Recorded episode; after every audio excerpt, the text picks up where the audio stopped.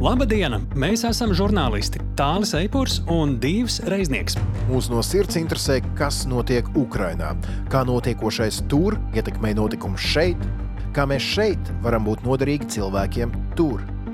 Lai labāk izprastu notiekošo, mēs dzenamies pakaļ personīgiem stāstiem, kas iemieso šo eksistenciālo cīņu. Mēs skaidrojam, ko globāla ziņu virsraksts nozīmē šeit, pie mums. Jo Ukraina cīnās ne tikai par savu brīvību. Ukraina šobrīd ir arī mūsu drošinātājs. Esiet sveicināti mūsu klausītāji, es sveicināts Tāli Eipur. Sveiks! To es saku divam reizniekam, raidierakstu drošinātājs no jau 33. epizodē. Epizodē, kura būs dziļa un melna, tādā ļoti tiešā nozīmē, ja runājam par to, ko Dievs ir sagatavojis šai epizodē. Jā, nu runāsim mēs par uh, to, kā no piefrontes zonām un vietām, kur kaujas uh, Ukrainā ir notikušas, tiek izvesti kritušo karavīru līķi, mirstīgās atliekas, kā tās tiek meklētas. Runāsim ar cilvēku, kas to dara dien dienā. Nu jā, pirms mēs runāsim par šo tēmu plašāk, man būs vēl daži jautājumi tev. Pirms mēs pie tā ķeramies, protams, ka sarunāsimies ar Kristīnu Bērziņu Vašingtonā. Un šoreiz trīs temati, par kuriem runāsim plašāk, ir kāpēc Ukrainas prezidenta Zelenska nesenā Eiropas tūre ir izrādījusies īpaši veiksmīga un kā tā var ļoti būtiski sekmēt gaidāmo pretuzbrukumu. Nu, un otrs stāsts, par ko spriedīsim, būs par mūsu kaimiņu valsts Baltkrieviju, kāpēc Lukašenko iespējamās nāves gadījumā, kas nesen aktualizējās, bet nenotika, Baltkrievu opozīcijai, diemžēl, būtu jāpaļaujas gandrīz tikai uz saviem spēkiem, ja viņi gribētu kaut ko mainīt valstī. Tas vēl viens temats, un mēģināsim ir noskaidrot, kāpēc prezidenta vēlēšanas Turcijā var izrādīties pat ļoti svarīgas ne tikai Turcijai vai varbūt Ukrainai, bet arī visas Eiropas nākotnē ļoti izšķiroši. Nu, tad klausāmies, es sveicinātu Kristīnu. Sveiki, Kristīna! Sveiki, sveiki! Pamatīgu Eiropas tūri ir veicis Ukrainas prezidents Valdimirs Zelenskis, redzam Itāliju sarakstā, Vatikānu. Tāpat Vācija, Francija, Lielbritānija saņemti daudzi gana konkrēti solījumi par atbalstu, bet eh, kāds tad izskatās tas sausais atlikums no šī brauciena, īpaši jau zinot, cik pakāpeniski vai lēni šis atbalsts no vārdiem bieži vien mēdz pāraukt darbos, un tas nenozīmē, ka te runa jau ir par kaut kādiem tālākiem soļiem, kas notiks jau varbūt pēc gaidītā pretuzbrukuma, uz ko vairāk šeit būtu uzmanība vēršama tavuprāt? Prezidentam Zelenskim ir bijis ļoti veiksmīgs ceļojums pa Eiropas valstīm.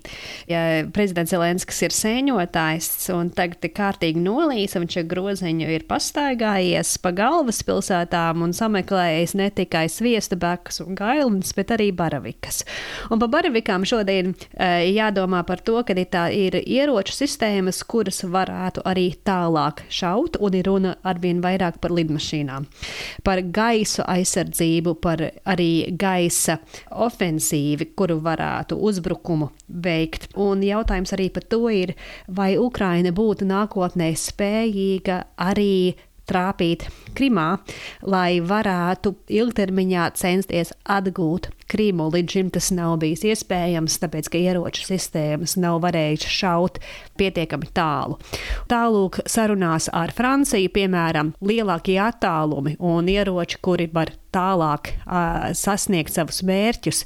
Par to iet runa. Ir runa par lidmašīnām. Lielbritānija atbalsta arī šos tālākos ieročus. Par gaisa aizsardzības sistēmām Vācijā ir iztējas sistēmas, par tām mēs arī iepriekš esam runājuši. Ārkārtīgi spēcīgas gaisa aizsardzības sistēmas. Ņemot vērā, ka šajā nedēļā ir bijuši nopietni uzbrukumi no gaisa Kievā un ka gaisa aizsardzības sistēmas ir ārkārtīgi noslogotas, veiksmīgi pasargā Kievu, bet arī iztērē munīciju un ir jāatbalsta un jāpapildina tieši arī gaisa aizsardzību. Šīs lietas ir svarīgas. Tad tie ir jaunumi, tāpēc, ka nebūs runa tikai par to, kas notiek uz pašas frontes, bet kā atbalstīt fronti vai pretuzbrukumu no gaisa, kā varētu trāpīt, piemēram, Krimā, kas ir bijis pārāk kontroversiāls jautājums līdz šim. Tas viss tagad notiek. Prezidents Zelenskis var būt ārkārtīgi apmierināts. Arī kas ir svarīgi šeit, pirmkārt, Vācija jau ļoti tagad sola daudz lielāku palīdzību nekā jebkad iepriekš. Arī faktiski ir runa par tankiem, par munīcijām, visu pārējo. Nu, šonadēļ es nevarētu teikt, ka izskatītos, ka Vācija pārāk vilcinās. Un tas, ka visas Eiropas valstis kopā tagad sametās un saka, mēs varam, tas ir ārkārtīgi svarīgi, jo tas nav gudri ne Ukrainai, ne principā visai Eiropai visu laiku paļauties tikai uz ASV un uz ASV militāro palīdzību, sasparoties un paļauties arvien vairāk uz Eiropas pašas resursiem. Tas ir ļoti no svara, un tad mēs redzam to, ka nu, ar lielāku enerģiju pieiet Eiropa šim jautājumam un atbalsta Zelenski. Tādā ziņā es teiktu, ka ir ļoti labi, ka ir šīs baravikas, nevis viesdabakas, ka varētu būt vairāk kaut kas, kas palīdzēs Ukrainai nevis tagad nākamēnes, piemēram, pretuzbrukumā, bet arī ilgtermiņā. Jo tāda ilūzija, ka karš beigsies, teiksim, augustā vai ka būs pretuzbrukums un viss, tāda reti kur pastāv. Drīzāk ir skaidrs, ka, pretuzbrukums sāksies, ka to būs patstāvīgi arī jāatbalsta. Un vajag ar ko. Risks tāds, ja pretuzbrukums notiek, izšauj visu, kas ir, un ko tālāk, tagad atkal būs pauze. Nu, tas nav Ukraiņas interesēs. Drīzāk vajag nodrošināt pretuzbrukuma tālāko veiksmi un spiedienu, lai varētu līdz galam atgūt Ukraiņas zemes. Un jo vairāk tagad var, teiksim, bikšu kabatā iebāzt to, kas vēl nāks no rietumiem, kas nāks no Eiropas valstīm, jo būs lielāks spars uzņemties lielāku pretuzbrukumu ar saprašanu un domu, ka nav tikai tas, kas līdz šim ir ievākts, bet ka būs arī vairāk. Un tas dos motivāciju, ambīcijas var paaugstināt un iedvesmot un palīdzēt Ukrainai ļoti veiksmīgi uzsākt savu pretuzbrukumu. Kad mēs varētu redzēt tos rezultātus? Šis ir stāsts jau kādu labu brīdi pēc pretuzbrukuma, vai tas izskatās pēc pietiekami ātra atbalsta. Runa šobrīd nav par ilgtermiņa atbalstu. Ukrainai ir saprašana par to, ka nepieciešamība ir tagad un arī tuvākā laikā. Bet, protams, par to, ka tas nebūs rīt un tas nebūs nedēļas jautājums. Tur ir noteikti runa vismaz par mēnešiem. Attiecībā uz pretuzbrukumu runa arī ir nu, vismaz par mēnešiem. Tas pirmkārt nav sācies, un otrkārt, kurš var pateikt, kad tas beigsies. Un tāpēc man liekas, par to laika jautājumu varbūt nav tik ļoti jāsatraucās. Tikmēr Tepat starp Ukrajinu un Latviju pamatīgi jautājoši skatieni tika vērsti Aleksandra Lukašenko, Baltkrievijas diktatora veselības virzienā. Pēc 9. maija svinībām Maskavā ilgas dienas par viņu nekas nebija zināms. Parādījās jautājumi par to, cik vesels viņš ir, vai viņš vispār vēl ir, kas notiktu ar Baltkrieviju tajā brīdī, ja Lukašenko vairs nav. Un tad viņš parādījās pēc ilgas klusēšanas, vārgā balsī, apsaitētu roku, kusls, iespējams uzkrāsotu seju, līdz ar to ir īpaši aktuāli. Kas notiek tālāk ar Baltkrieviju un vai tā vienā brīdī nevar pēkšņi izrādīties Krieviju. Jā, parādījušies ļoti nopietni un svarīgi jautājumi par to, kas notiktu tālāk Baltkrievijā, ja Lukašenko nomirtu, kas nāktu viņa vietā. No vienas puses, optimistiskākais ceļš, ka tas pēkšņi varētu iedot opozīcijai ceļu ar pazīstamiem cilvēkiem, kaut kā radīt lielāku ietekmi Baltkrievijā un varbūt veicināt reālus pārmaiņas valstī, kura ir iesaldēta gan pagātnē, gan eh, Krievijas sfērā. Bet tas ir stipri optimistiski.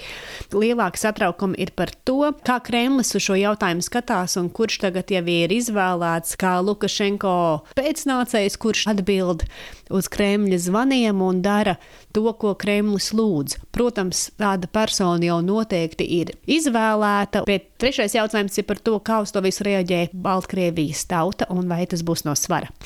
Jo, ja Baltkrievija būtu pavisam neatkarīga valsts, tad uh, iespējamās varas maiņas varētu radīt iespēju demokrātiskākiem viļņiem un vējiem iepūst Minskā. Bet tā kā Baltkrievija ir de facto okupēta valsts ar Krievijas militāro klātbūtni, vai tādi vēji varētu iepūst Minskā, ir ļoti grūti teikt. Protams, tas nebūtu Kremļa interesēs. Arī plašāk tieši attiecībā uz karu Ukrainā tas būtu īpaši liels sitiens Kremlim. Kā to izspēlēs, tad būs mums vienkārši jādzīvo un jāskatās. Jo, protams, šobrīd vēl Lukašenko ir dzīves, un mēs vēl gaidām pretuzbrukumu Ukrainā. Kas notiktu, ja pretuzbrukums būtu īpaši veiksmīgs. Kas notiktu, ja Baltkrievijā tauta iedvesmotos no notiekošā Ukrainā un tajā brīdī nomirtu Lukašenko un būtu variants, ka kaut kā varētu iegrozīt Baltkrieviju atkal neatkarīgākās sliedēs. Vai tikpat vai Krievija tik dzelžaini sagrābtu Baltkrieviju ar domu, ka Ukrainā nav viegli, ka tas patiešām nebūtu iespējams. Scenāriji ir dažādi. Tas attiecās arī uz Latvijas drošību, un tāpēc būs ļoti jāskatās, kas un kā. Tāpēc, ka varas vainas un iespējams nestabila situācija Baltkrievijā varētu būt kaut kas, par ko būtu jāuztraucās, jāpievērš uzmanību, jāskatās, kas notiek tieši uz Latvijas robežām. Cik rietumiem būtu jābūt proaktīviem tādā brīdī, ja Lukašenko vairs nav Baltkrievijā, un vai tam jau nebūtu sen jābūt gataviem, vai vismaz vēlākais jāsāk gatavoties šobrīd, pamanot šādas izmaiņas? Rietumiem, tāpat kā mēs redzam, ka ir atšķirības starp NATO valstīm un, un nenābato valstīm, tad šobrīd arī ir atšķirības starp Ukrainu un Baltkrieviju. Ja Baltkrievi paši kaut ko varētu paveikt, tas būtu vienreizēji, un varbūt pēc tam varētu būt atbalsts kaut kāds bet rietumiem nav šobrīd apetīte pārāk iedziļināties Baltkrievijā, jo ir pārāk daudz cits, par ko būtu jāuztraucās. Tādēļ šobrīd es teiktu, ka Baltkrievijas liktenis ir Baltkrievijas rokās. Tikmēr Turcijā ir sākušās, bet tā arī nav beigušās vēlēšanas. Parlamenta valsts prezidenta vēlēšanas pirmajā kārtā gandrīz par prezidentu kļuva Reģeps Taips Erdogans, līdzšinējais līderis. Viņam tur pietrūka procentu daļas, nu un 45% balsu savāca Kemals Kiličdaroglu opozīcijas vienotais kandidāts, nu un tagad 28. maijā abi tad sacentīsies otrajā kārtā. Analītiķi, eksperti saka, nu, laikam jau Erdogans kļūs par Turcijas prezidentu vēlreiz. Ko tas nozīmē attiecībā uz gaidāmo NATO samitu, Zviedrijas uzņemšanu, ko tas nozīmē attiecībā uz atbalstu Ukrainai un sadarbošanos ar Krieviju. Nu, ja prezidents Erdogans noturētos prezidenta krēslā, tad nekas īpaši nemainītos Turcijas politikā. Lai gan ir visu laiku bijusi cerība, ka Zviedrija arī ar Erdogana prezidenta krēslā tiktu NATO, ir tikai izdevīgi pirms vēlēšanu laikā parādīt savu varu starptautiskās attiecībās, un tāpēc šobrīd bremzē Zviedrijas jautājumu ja prezidentūra ir atkal Erdogana rokās, tad nebūtu īpaši liela problēma pieņemt Zviedriju, tāpēc ka kārts jau plus mīnus izspēlēta, atkal varētu vairāk sadarboties.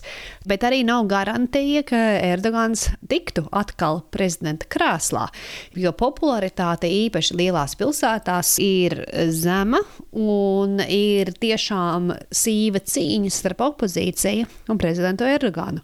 Jautājums šeit ir par Turcijas nākotni un Turcijas virzienu. Vai Turcija turpina būt trešā valsts, NATO valsts, bet sadarbojās ar Krieviju enerģijas jautājumos, ekonomikas jautājumos? Turcija, kura neusticās sabiedrotajiem, Erdogans, kurš neusticās vienmēr sabiedrotajiem, kurš spēlē savu unikālo turku nacionālo lomu, vai Turcija tomēr vēlās atkal atgriezties rietumu virzienā, un par to iet runa opozīcijas pusē par iespēju atsākt Eiropas Savienības dalības sarunas. Sarunas jau ir gadu desmitiem ilgušas, ja atgrieztos iespēja tiešām veikt nopietnas sarunas starp Eiropas Savienību un Turciju, tad Turcijai ir pavisam cits virziens. Tad ekonomiskais atbalsts, ekonomiskā integrācija ir nevis ar Krieviju, bet ar, ar Eiropu, un tad arī viss izskatās pavisam atšķirīgi. Attiecībā uz NATO jautājumu, tad arī nebūtu iemesla šobrīd neielaist Zviedriju NATO. Un tad, ja mēs domājam uz priekšu, kā tas varētu izskatīties, ir runa par Ukrainas dalību Eiropas Savienībā, ja būtu opozīcija pie varas Turcijā, ka varētu Turcija iestāties varbūt Eiropas Savienībā. Un tad parādās ļoti dziļi filozofiski jautājumi par to, kas ir Eiropas Savienība un kā tā attīstās un izaug, un kur ir tās robežas, un paliek atkal ļoti dinamiska, sarežģīta, bet arī interesanta politiskā vide. Tāpēc, jā, protams, Ukraiņas jautājumiem Turcija ir ārkārtīgi svarīga. Turcijas jautājums attiecībā uz Krieviju bet šajās vēlēšanās nozīmīgs arī ir Turcijas tālākais ceļš Eiropā un savā ziņā arī Eiropas Savienības tālākais liktenis un, un attīstība. Lielas paldies tev, Kristīne, par ekspertīzi. Lielas paldies jums un līdz nākamajai nedēļai. Līdz nākamajai nedēļai.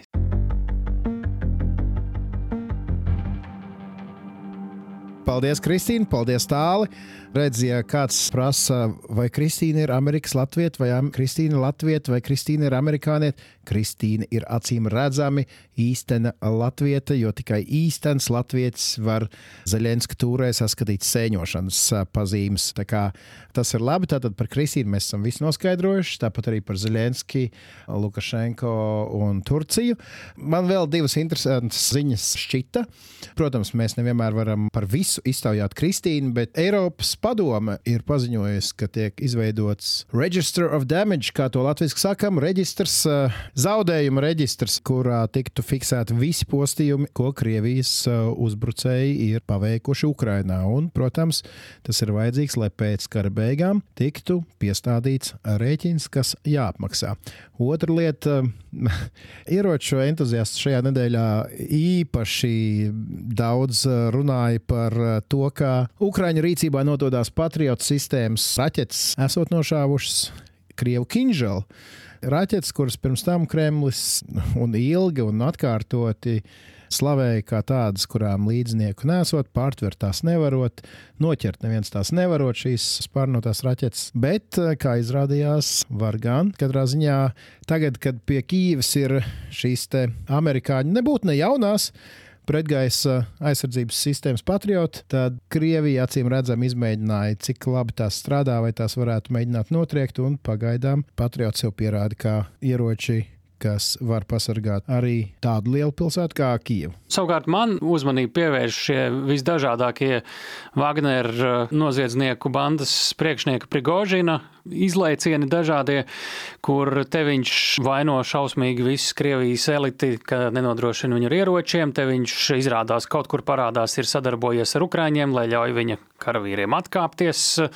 Nu, man liekas, ka paskatoties, cik patiesībā varbūt pat skaitliski maza daļa ir viņa Wagner grupējums no visa Krievijas lielā karaspēka Ukrainā, tam uzmanība šim Wagner stāstam kaut kā es nesaprotu, kāpēc tik liela ir pievērsta, jo viņš vienkārši trokšņo, ir provokatīvs, un man liekas, ka lielties tā ir viena pamatīga blefošana, miglas pūšana, uzmanības novēršana, dezinformācijas radīšana, trokšņa taisīšana ar cerībām, ka varbūt kādu racionāli domājošo no kaut kāda normāla lēmuma tas varētu novērst, bet man kaut kā ir sajūta, ka Ukraiņi šo nepaļaujas un skatās uz realitāti kara laukā, un uh, tur tā bieži vien izrādās krietni citādāka nekā. Šis, uh, es negribu pat viņu saukt par kungu, uh, cilvēks arī tā, es viņu negribu saukt bļaustās burtiskā nozīmē. Teroristiskās organizācijas vadītājs. Nu, par Prigožinu es arī baigi negribētu teikt neko, jo man jau kaut kā šita pirms kāda mēneša viņam bija tāds pilnīgi trakais video paziņojums, kas izrādījās tikai vienkārši viens no pirmajiem šādiem te trako video paziņojumu sērijas, kad jau es Twitterī iemetu, nu, ka šī čaļa dienas ir skaitīts, bet, nu, protams, tur tiek spēlētas savas spēlītes Maskavā, varas koridoros un drošības struktūru starpā. Skaidrs, ka Prigožins nav nekāds vienpatis, nenormālais ka bez krietni iespaidīga kungu aizsardzības viņš šādi nevarētu uzvesties. Nu jā, diemžēl tam visam fonā ir reāli cilvēki, reāli karavīri, reāli civiliedzīvotāji, kuri, diemžēl, šobrīd tieši kaujas norišu laikā cieš, iet bojā, bieži vien arī paliek turpat, kur ir miruši, jo viņus vienkārši nav iespējams nekur aizvest, pienācīgi apglabāt. Un tieši par to arī ir mūsu nākamais stāsts. Būsim precīzāki, divi reiznieka, nākamā intervija.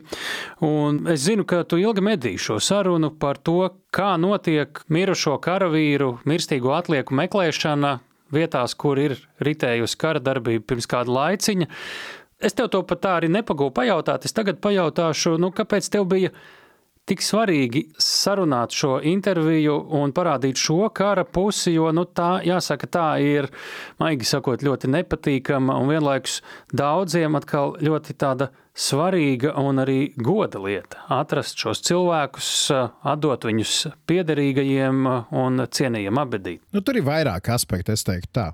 Viens ir, ka mēs katru dienu vai katru nedēļu dzirdam, jā, iespējams, tik karavīri gājuši bojā vienā pusē, tik karavīri otrā pusē gājuši bojā.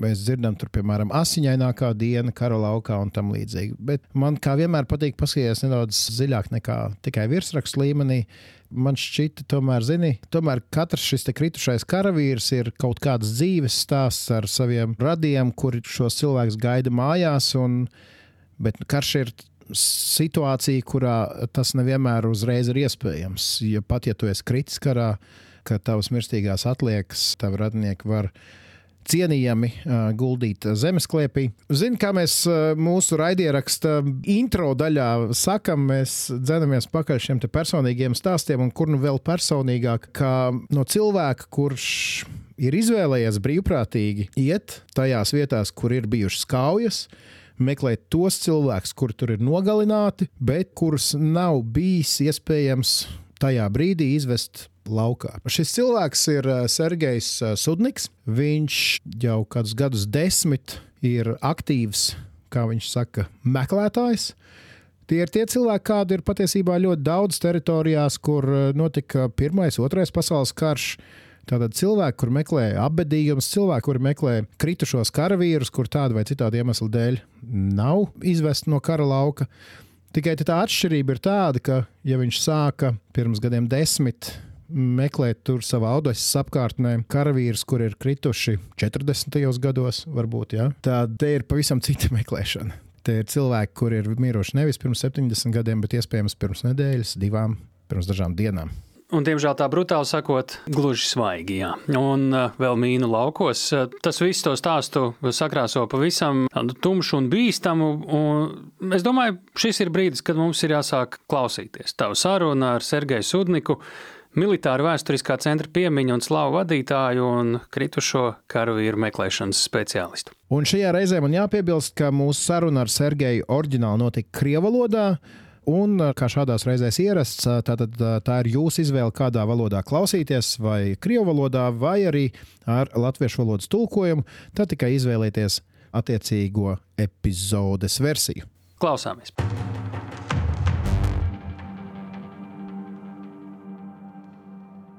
Здравствуйте, Сергей. Здравствуйте. Расскажите нам кратко, кто вы и организации, которую вы представляете. Зовут меня Сергей, я являюсь участником гуманитарного проекта Вооруженных сил Украины «На щите». А, мы представляем общественное крыло этого проекта, то есть я в данный момент возглавляю общественную организацию Военно-исторический центр памяти «Слава», и а, мы ищем погибших военнослужащих а, в местах боевых действий на деоккупированных территориях. В общем, занимаемся поиском и эвакуацией тел погибших. Как много таких организаций в Украине и как эта вся система построена? Потому что я понимаю, что корни организации — это не государственные организации. Система построена следующим образом. А, при Генеральном штабе а, Вооруженных сил Украины есть э, управление гражданско-военного сотрудничества, Одним из вопросов, которым занимается управление, это э, поиск и эвакуация тел погибших военнослужащих в зоне боевых действий на деоккупированных территориях и возвращение погибших э, их э, родственникам. Э, система выглядит так, что в данный момент выстроены такие логистические цепочки, в которых участвуют общественные организации, да, собственно, здесь мы видим отсылку к названию гражданско военное сотрудничество, общественные организации, которые имели и имеют опыт поиска вот, если мы говорим про военно-исторический центр памяти слава, мы занимались поиском погибших э, бойцов времен Второй мировой войны и имеем, собственно, представление о поиске, о процедурах и имеем специфический опыт. Поэтому в апреле месяце прошлого года Генеральный штаб Управления военно-гражданского сотрудничества предложили нам принять участие в этом проекте. Э, тогда он еще назывался «Эвакуация 200», то есть гуманитарный проект по поиску и э, эвакуации военнослужащих погибших существовал э, еще с начала боевых действий на Донбассе, то есть это антитеррористическая операция, когда началась. 14-15 год, да? Да, да, да, все верно. С начала боевых действий на Донбассе в 2014 году началось формирование э, этого управления при Генштабе, собственно, в юрисдикцию которого и входили подобные вопросы. Это поиск погибших, это эвакуация тел, возвращение их домой родственникам. И, конечно, в первую очередь этой работой занимались вооруженные силы Украины, но были и другие общественные организации, которые принимали участие в поиске, то есть они тоже на волонтерских началах, на волонтерской основе, используя э, свой опыт поисковых э, работ, точно так же, как и мы по Второй мировой войне, они проводили поисковые работы на территории Донецкой и Луганских областей. Но это было более э, локально, да, то есть э, это были не те масштабы боевых действий, которые мы имеем с прошлого года. И, конечно, что касается штата, да, людей, которые должны этим заниматься и могут этим заниматься, то это абсолютно разные цифры. Когда после 24 февраля началось полномасштабное вторжение, то Генеральный штаб пригласил к участию. Мы, как поисковики, которые э, собственно, живут поиском, мы конечно, согласились и примкнули к этому гуманитарному проекту. Конечно, что касается поисковых организаций, они э, на территории там, бывшего Советского Союза есть э, э, огромное количество таких организаций, в том числе и в Украине их было большое количество, но если мы говорим о тех, кто э, примкнул к э, поиску уже в рамках этой войны, то их на самом деле не так много. Почему? Ну, наверное, мы имеем некую специфику. Это работа уже э, не с костным материалом, если можно так сказать, да, а это э, работа в достаточно сложных территориях э, с точки зрения минного загрязнения, с точки зрения работы, как мы говорим с биологией, да, то есть все-таки мы имеем э, дело с разлагающимися телами, и, э, в принципе, из-за такой специфики работы, наверное, не было привлечено достаточное количество таких организаций. Но стоит еще отметить, что мы фактически были знакомы с Центральным управлением военно-гражданского сотрудничества еще до полномасштабного вторжения, и э, фактически они знакомы с нашими поисковиками, знакомы с нашей э, работой, работой, и поэтому, как я понимаю, мы были приглашены к участию в этом проекте. Сейчас э, формируется новая практика. Это когда работают с группами поискового генштаба не только общественные организации, но это теперь еще и военнослужащие,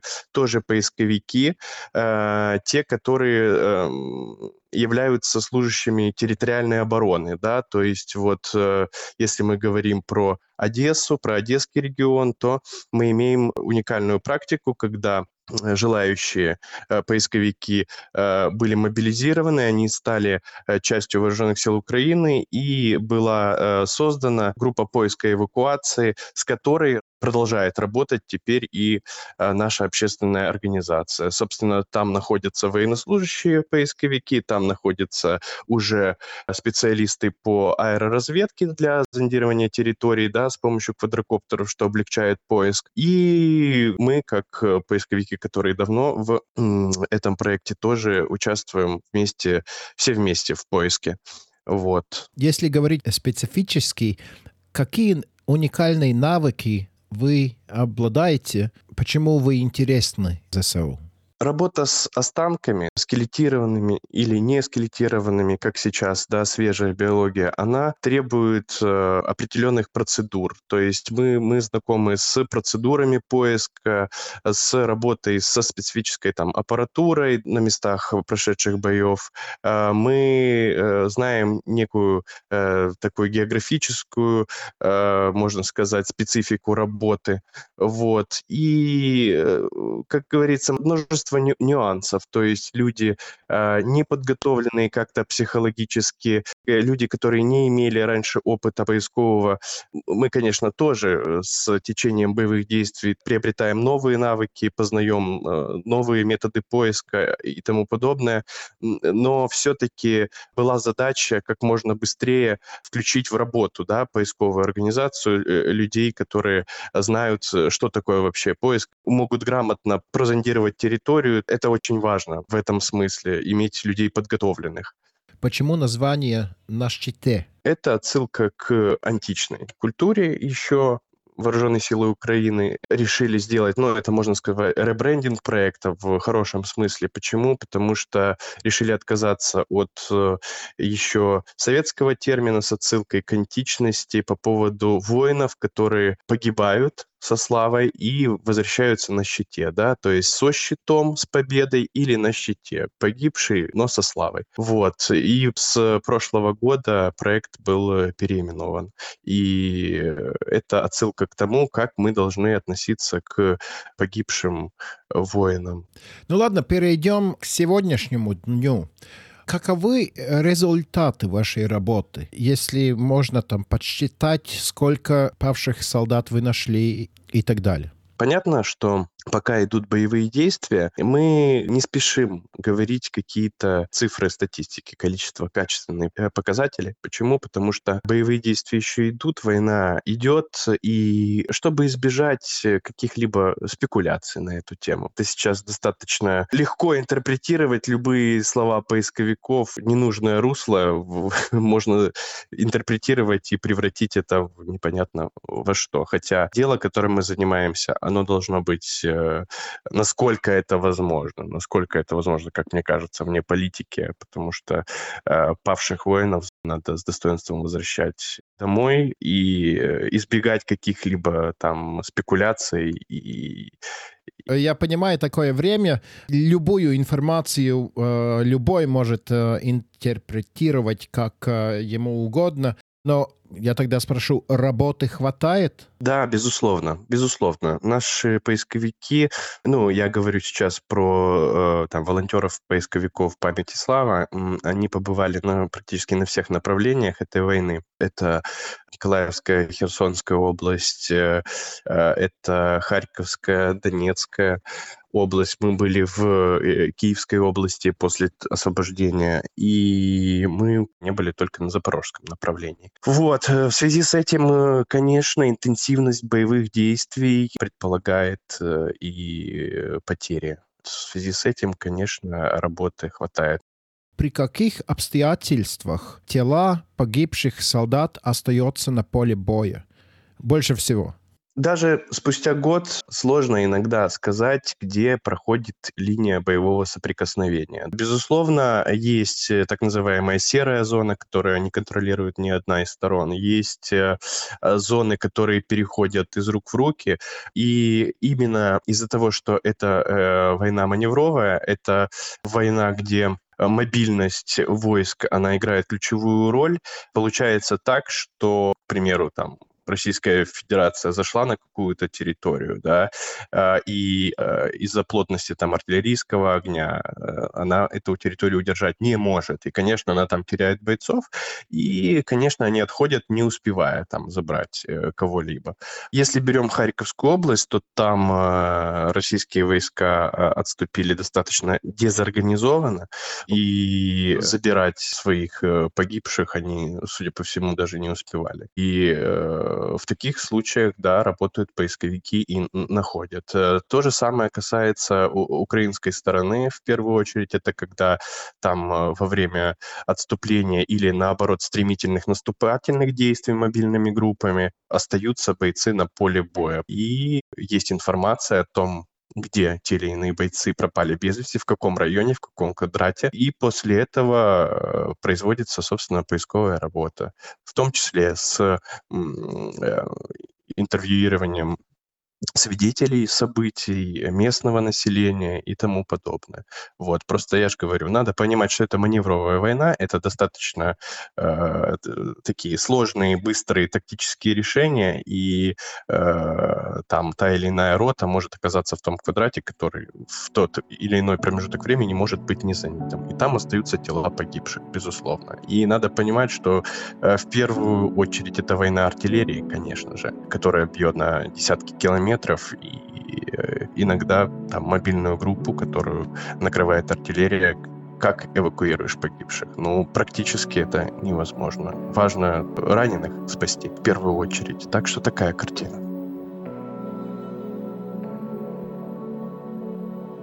Как принимается решение о том, куда э, ехать, куда искать павших? У нас есть полная картина о зоне боевых действий, где были боевые действия, да.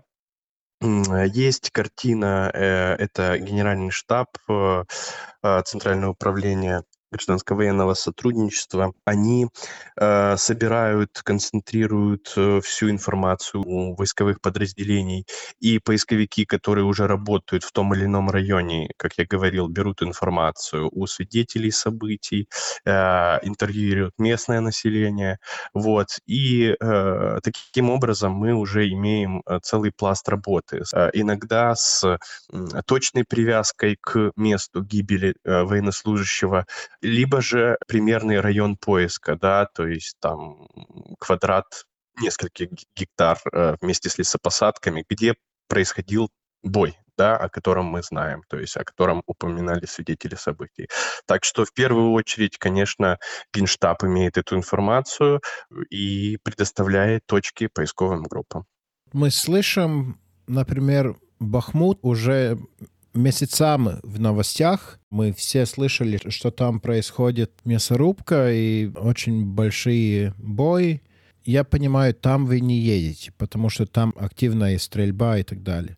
На линии фронта, вот прямо там, где как раз происходит маневрирование э, войск, там, где уже даже не, не серая зона, да, а зона там за нулем, если мы говорим про именно общественное крыло, да, поисковое движение в рамках проекта «На щите», то мы туда э, не едем. И, безусловно, там происходят другие процедуры обмена. Это касается там, обмена телами с воинскими подразделениями, либо же те участки фронта, которые сейчас недоступны из-за интенсивности боевых э, действий, мы собираем по ним информацию, и, к сожалению, тела погибших ждут своего часа, когда сложатся такие обстоятельства и возможность туда приехать и произвести а, нужные процедуры. К сожалению, вот в самых горячих точках иногда с точки зрения безопасности невозможно. Так что для вашей работы большая опасность э, делают э, собаки, которые первые придут к телу,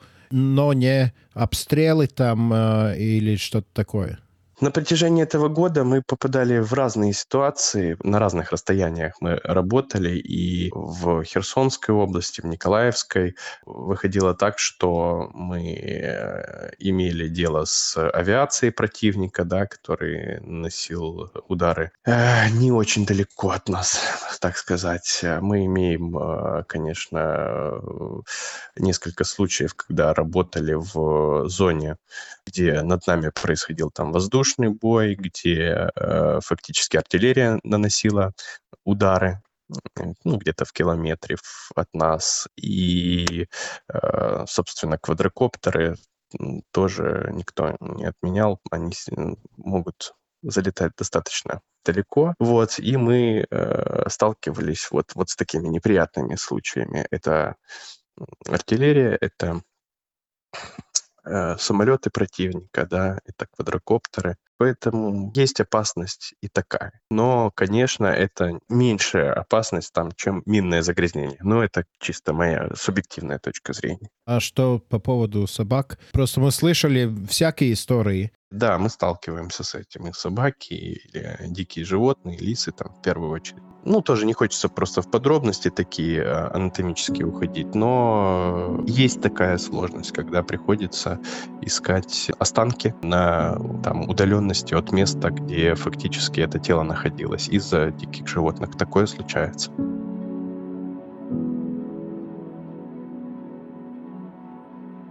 Я понимаю, что для того, чтобы делать свою работу, вам нужно иметь э, наметанный глаз. Э, на что вы пытаетесь обратить внимание прежде всего, когда вы приезжаете в новое место? Искать надо уметь. Я, я даже не знаю, как, как это более широко раскрыть эту тему, да, потому что это и э, внимательность, это концентрация, это набитый глаз, то есть фактически надо замечать э, множество нюансов, чтобы значит, не попасть в неприятную ситуацию и найти военнослужащего, найти временное захоронение, работать с аппаратурой, там, ну, в том числе с металлодетекторами. Это надо понимать, как не бояться, ну, скажу так, изувеченных тел, да, э, которые разлагаются, действительно мы сталкиваемся с такой ситуацией, что по прошествию времени, к сожалению, тела разлагаются до такого состояния, что достаточно тяжело на местности иногда увидеть э, тело. То есть э, тут надо быть очень внимательным, но концентрировать внимание специально не приходится, потому что бывшая зона боевых действий — это либо не слишком сильно удаленные места от зоны боевых действий, от линии соприкосновения. Они пред, предусматривают то, что мы изначально э, сконцентрированы на работе, на своей безопасности с точки зрения, что минное загрязнение очень большое, то есть это и мины, там, противопехотные, э, растяжки, на это все надо обращать внимание. И, в принципе, когда мы приезжаем на место, мы уже готовы к работе с точки зрения, на что в первую очередь э, обращать э, внимание, да, то есть мы как-то э, переключаемся в режим, ну, так можно сказать, да, режим поиска, это когда надо смотреть, чтобы было безопасно под ногами, и фактически из-за этого мы можем чуть лучше обследовать там визуально ту же местность, вот. А сейчас с появлением аэроразведчиков, конечно, работа упростилась, но только с точки зрения того, что есть э, некие локации, которые являются действительно труднодоступными, да, то есть по, по разным причинам, ну, в том числе из-за минного загрязнения. И фактически э, мы сейчас как-то усилились э, людьми, которые могут квадрокоптерами просканировать, так сказать, местность и э, чуть-чуть облегчить будни э, поисковиков. То есть мы уже заранее фактически знаем, с какими опасностями нам в том или ином районе мы столкнемся и можем более продумать э, безопасные маршруты до тела, если оно было локализировано там в поле, к примеру.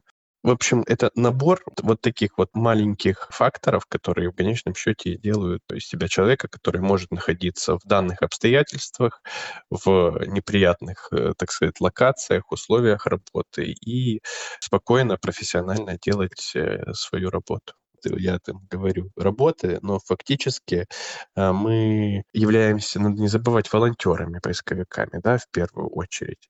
Вот, и это очень важный момент. Почему? Потому что вот э, по поводу мотивации, да, почему этим занимаешься, вот волонтеры сюда приходят из-за того, что чувствуют для себя, что делают некую важную вещь. И то, что эта вещь важная, конечно, э, множество людей могут подтвердить это. Стоит отметить, что мы работаем, конечно, с саперами, и мы их называем своими ангелами-хранителями, потому что э, часто безопасный проход в то или иное место зависит от них. Так получается, что без них вы сейчас уже больше никуда не едете, правильно? Конечно, конечно, с группами есть сапер. Он действительно увидит растяжку там, где ее можем не увидеть мы, или же увидит противопехотные мины в тех же лесополосах, которые э, спрятаны там за травой, намного результативнее, в общем, глаз сапера, чем, чем наш. Как говорится, тотальная командная работа получается, правильно? Да, безусловно, по-другому никак, потому что должна присутствовать взаимовыручка, должна быть такая всеобщая концентрация, когда каждый сконцентрирован на своем участке работы, и это позволяет принести нужный результат. Когда вы находите павшего солдата, что происходит дальше? Процедура фактически выглядит следующим образом. Мы проверяем тело на возможное заминирование, потому что подобные случаи имели место быть, и фактически надо обезопасить себя и понять, что тело не заминировано. После этого мы э, производим э, поиск личных вещей, э, медальонов, с которых можно произвести хотя бы визуальную идентификацию личности. Если мы говорим про наших бойцов, по возможности мы работаем и с полицией, потому что, конечно, там по факту гибели бойцов вооруженных сил Украины мы имеем процедуру, когда у тела надо забрать образец ДНК для последующего последующей идентификации личности. В общем, после того, как мы произвели поиск э, личных вещей, мы, конечно же, производим поэтапную фотофиксацию всего процесса. Мы производим фотофиксацию состояния тела, где оно находится, того, что нашли при теле. То есть это такой некий да, криминалистический э, процесс, можно так сказать. После чего кладем в анатомический мешок тела, производим э, маркировку, ну, ну все нужную информацию, записываем на бирках и на самом мешке для того, чтобы было э, потом легче произвести идентификацию личности. После этого уже включаются органы, которые занимаются забором ДНК. Да, в нашем случае это э, судмедэксперты, мы доставляем тело в судмедэкспертизу, где, э, собственно, э, заполняются еще дополнительные протоколы, которые связаны с гибелью и последующим процедурой для передачи тела родственникам. А когда вашу работу делать э, легче зимой или летом? Легче зимой только в тот период, когда нету снега, потому что когда есть снег, конечно, производить поисковые работы фактически невозможно. Это связано и с нюансами по тому, как доехать до определенной локации. Это связано и с тем, что если есть снег, мы не видим мины, это и связано с тем, что фактически складки там местности, нарушенный грунт, там, где присыпан военнослужащий, мы можем просто не увидеть. Видели ли вы доказательства питок перед смертью? У наших поисковиков Харьковской области было найдено там захоронение э, украинских воинов э, со связанными э, скотчем руками, и было очень похоже на то, что были произведены некие действия противоправные по отношению к военнопленным. Но, опять же, вы понимаете, я сторонник того, чтобы все подобные дела рано или поздно были доведены до конца, и фактически вот все такие случаи были доказаны, и произошло некое правосудие. Процесс уже юридический, он идет с того момента, как нашли тело следователь работает с этого момента, там, и это вопросы не только процедуры там, забора ДНК, да, но это и процедуры, связанные с э, уголовным производством по факту гибели. Как идентифицируется павший? По-разному. Э, в первую очередь это э, жетоны, вот, но опять же, мы с вами понимаем, что по-разному бывает. Иногда на бойцах нету штаны на украинских. Но при всех военнослужащих, ну, практически при всех, конечно, есть документы, Э, того или иного рода, если э, там с тела их не забрали побратимы, либо же злоумышленник какой-то не забрал с тела э, документы, то они остаются при бойце. Да, в первую очередь, конечно, это жетоны, это смертные медальоны э, которые находятся на шее э, у у ребят. Ну и что касается военнослужащих Российской Федерации, у них тоже другой формы, правда, но тоже смертные медальоны, жетоны на шее. Но если мы говорим про визуальную идентификацию, то э, в первую очередь это документы, которые находятся при бойце. Военный билет, паспорт, и тому подобное. Да, конечно, э, есть э, такое понимание, что у многих не должно быть подобного рода документов с собой, но, но мы, мы находим. Мы находим, да. И в первую очередь, конечно, было бы замечательно, если бы каждый военнослужащий все-таки имел этот жетон, поскольку нельзя таким вопросом э, пренебрегать. Как происходит общение с людьми, которые ищут э, своих родственников? Наверное, такое тоже имеет место. Я скажу так.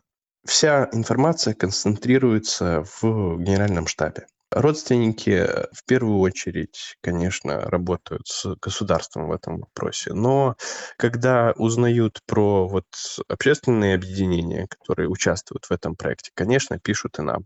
Мы эту информацию обрабатываем насколько можем и передаем туда же, в общий центр, потому что э, в этой цепочке каждый должен а, заниматься вот своим делом. И как э, с российской стороны? Там нет э, семей, которые находят вас и знают, может быть, последнее место, где их э, родственники были живыми, и знают, вот говорят, вот там где-то там должно быть нет, на нас, на, на, на нас не выходит. На нас не выходит. То есть, ну, у меня такой информации нет. То есть в общественные организации родственники э, российских военнослужащих не обращались. Ну и, собственно, это, я думаю, они тоже понимают, что это не, не совсем правильно.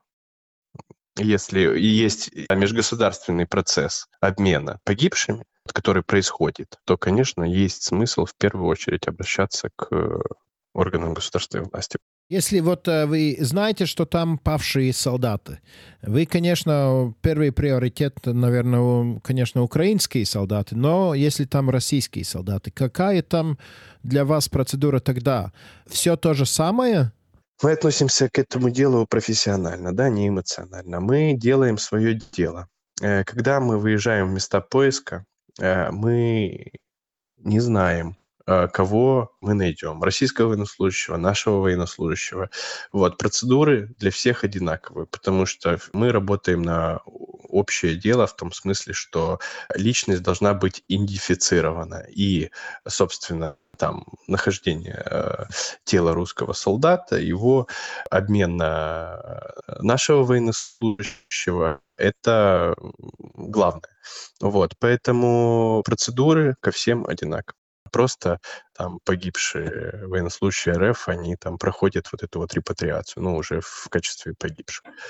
В течение года мы много слышали о том от России, что своих не бросаем.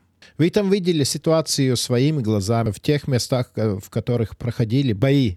Вы можете подтвердить это предположение, что русские своих не бросают?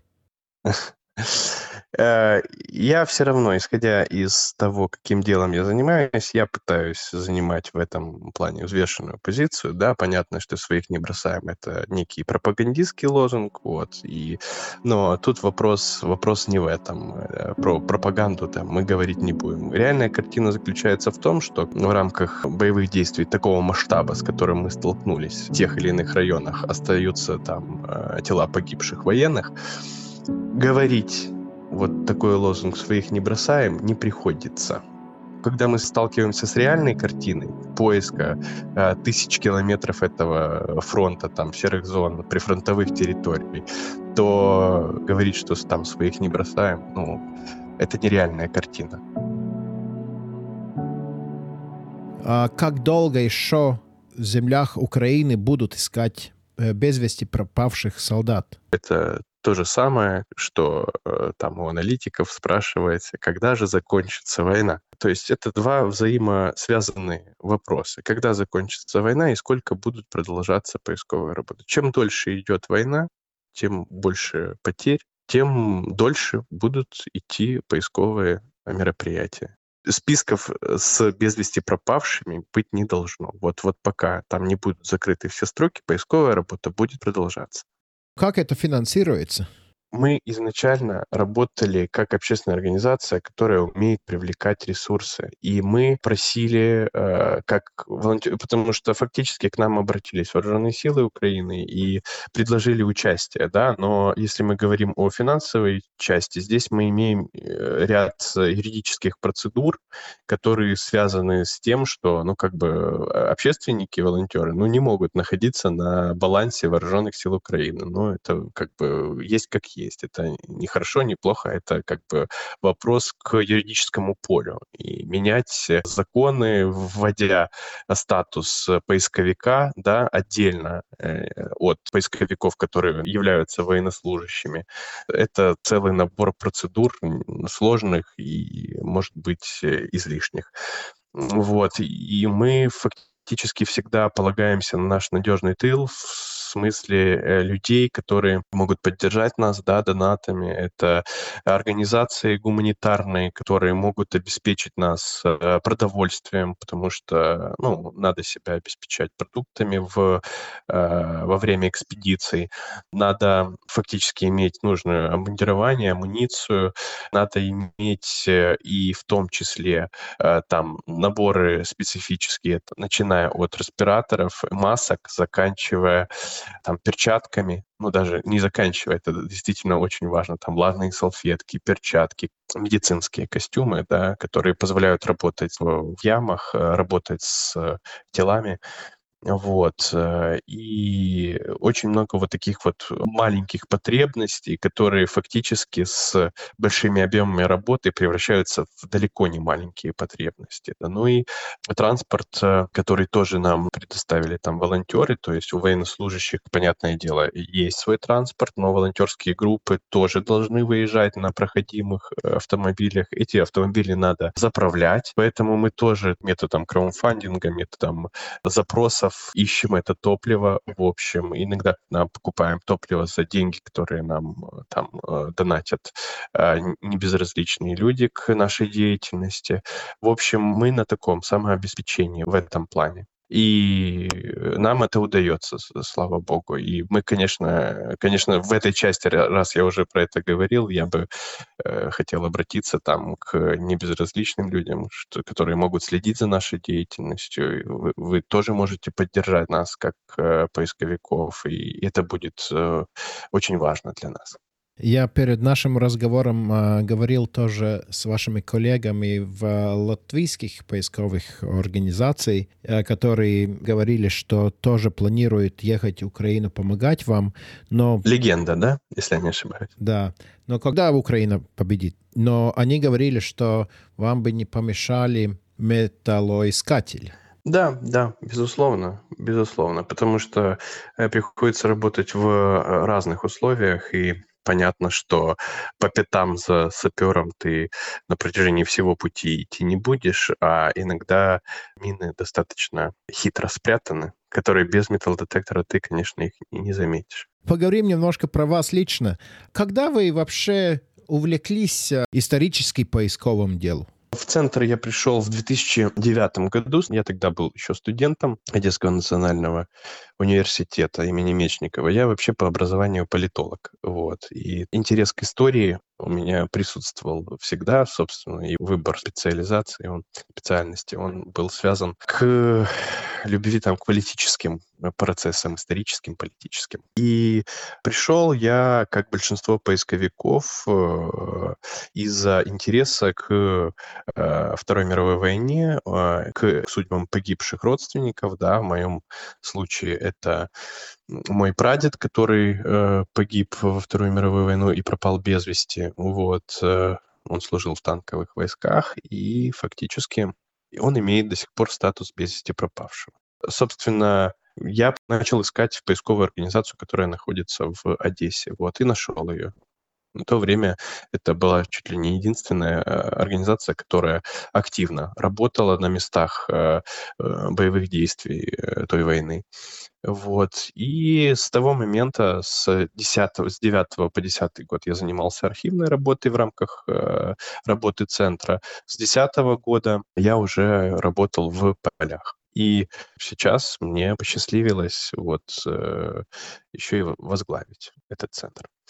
Так что тема поиска и тема понимания того, что каждый погибший боец э, не должен, э, вот я говорю такое слово, оно немножко жесткое, валяться да, в полях, потому что, ну, иногда это так и выглядит. Вот э, э, погибшие военнослужащие, которые с честью выполнили свой долг, они должны возвратиться в свои семьи для э, достойной процедуры прощания, чтобы родственники получили тела своих близких. И чтобы можно было оказать им соответствующие почести воинские, и чтобы не было вот этой вот статистической единицы, да, такое, Э, пропавший без вести и Второй мировой, и уже современной войны. В общем, это ненормальная картина, как по мне, и так не должно быть. Мы столкнулись с такой ситуацией, что через там, 80 лет после окончания Второй мировой мы до сих пор ищем, искали останки погибших, понимаете, и родственники там, пра-пра-пра, э,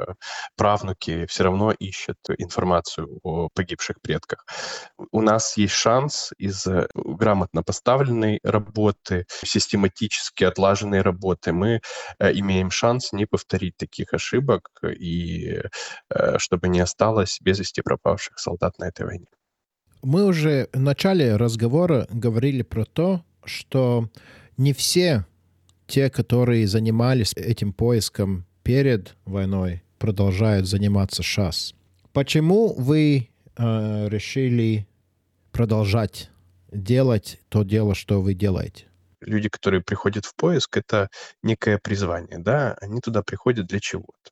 В поиск приходят для того, чтобы найти всех, погибших и возвратить их родственникам для того, чтобы они могли их достойно похоронить. Я скажу так, это миссия. И э, кто эту миссию выполнял ранее, тот ее должен реализовывать и сейчас. К этой работе нужно привыкнуть или привыкание будет э, самой опасной частью этой работы? Понятное дело, перед тем, как э, мы э, начали работать в полный рост, так сказать, были некие переживания, и очень важно было правильно настроиться на эту работу. Изначально на первую свою локацию я зашел с правильным настроем и понял, что фактически, э, если там в мозгу есть такой переключатель, да, там перейти в этот рабочий режим, то это помогает просто ведешь себя как-то совершенно иначе и не делаешь акцент там для себя, что, что ты сталкиваешься с какой-то достаточно тяжелой ситуацией, даже с визуальной э, частью. Но привыкание есть, конечно. Я могу сказать, что, к сожалению, то есть привыкание в этом деле — это не очень хорошо к такому привыкать, безусловно. Но легче. Э, потом э, сталкиваться с какими-то ситуациями, которые, кажется, тебя уже там ничего не удивит, да, вот. Э, первое время все равно кое-что удивляло, да, относился к этому, конечно, по-своему, но удивляло. А потом это пропало, хотя сталкивались с такими неприятными, там, с точки зрения там, биологии, вещами, но чувствую, что вот, вот то, о чем вы говорите, привык, да, в мозгу понимаю, наверное, не очень хорошо, что к этому привык. Но с другой стороны, это позволяет дальше работать и не отвлекаться на э, такого плана переживания. Что самое последнее, что вас э, удивило? Не удивило, а, ну, нельзя сказать удивило. Самый яркий опыт это, конечно, э, первый опыт подобных работ. Это была Николаевская область, это фактически еще э, российские войска оттуда не были выбиты, там недалеко находился еще фронт. Там. И мы работали с братской могилой. И это было э, лето, ну, сами понимаете, очень глубокая яма, 40 градусов это жара, невыносимое, вот, и одновременно с этим надо грамотно произвести эксгумационные эти процедуры. Вот, и количество тел там было, ну, не маленькое. Я говорил, что до 10 находили. Ну, вот, вот уточнять не буду, но сам факт. Было там несколько бойцов, и это такая, изначально была высокая планка с точки зрения ощущения. Вот тогда я уже понял вообще, с чем я столкнулся, и это для меня оказало там наиболее сильный эффект который позволил потом перестроиться и настроиться на нужную волну, если можно так сказать. Вы ищете тех, которые погибли. Изменился за этот прошлый год то, как вы смотрите на живых людей? Наверное, может быть, я более чутко начал относиться к любимым, близким э, люд- людям, которые там тебя окружают. Ну, то есть, конечно, понимание ценности этой жизни, оно стало чуть выше. Но я могу сказать, что чуть выше. Почему? Потому что изначально у меня э, как это наивысшая ценность, это человеческая жизнь. И род деятельности, я думаю, повлиял ну, минимально. Что вам э, пожелать лично? Пожелайте, чтобы эта война закончилась побыстрее и чтобы действительно ни одна семья не имела информацию о своем близком человеке погибшем. Без вести пропал где-то, ну, в неизвестном районе, грубо говоря. Вот, наверное, так. Большое спасибо, Сергей. Спасибо вам большое. Спасибо.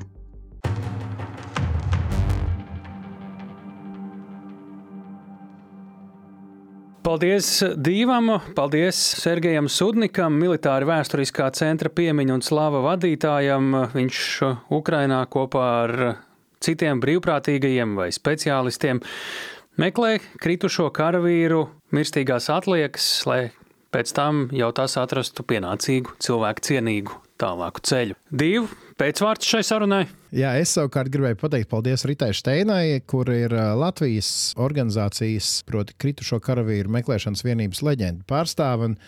Viņa bija tā, ar kuras palīdzību man izdevās uziet Sergeju. Ja jūs domājat, ka tas darbs, ko Sergejs šobrīd ar biedriem tur dara, ir tā vērts, lai to atbalstītu, noteikti varat uzmeklēt šo biedrību Facebook vai arī Rītu Steinu var Facebookā. Viņu citu starpā arī vāc naudu droniem, kas tiek nogādāti tieši Ukraiņas kaujas vienībām kara vajadzībām. Un es vēl tikai gribēju pieminēt, ka LSMLV drīz varēs lasīt šo pašu interviju arī rakstiskā formātā, un tur kā ierasts tā tiks papildināta ar uh, gana daudz fotografijām. Varēsiet redzēt tās vietas, tos notikumus, ko Sergejs aprakstīja. Tā kā jā, ja jums uh, šī saruna um, kaut kā aizķērās prātā un šķiet, ka varētu to gribēt dzirdēt arī kāds cits, uh, padalieties ar mūsu raidieraksta epizodi, sūtiet linkus vai ja komentējiet sociālajos tīklos, lietojot hashtag drošinātājs. Un, protams, arī rakstiet mums, iesakiet jūs savus tematus. Mēs šīs vēstules ņemam vērā,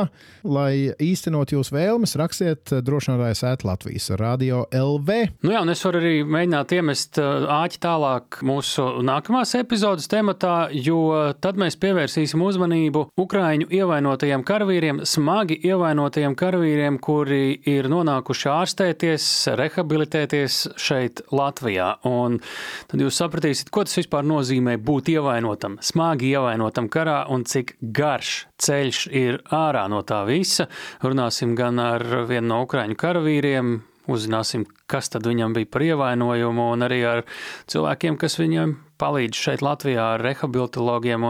Tas būs nākamās epizodes stāsts. Tur arī atklāsies kaut kas tāds, es pat teiktu, liktenīgs tieši konkrētā karavīra stāstā un viņa saistībā ar Latviju. Sagadīšanās vai ne, to jūs tad nākamajā epizodē varēsiet paši spriest. Tālu es nevaru vairs sagaidīt jaunāko epizodu. Bet beigās mums ir, kā vienmēr, jāpasaka pats svarīgākais, kas tad ir mūsu podkāstu vadmotīvs. Drošinātājs tas ir skaidri un personīgi par karu Ukrainā.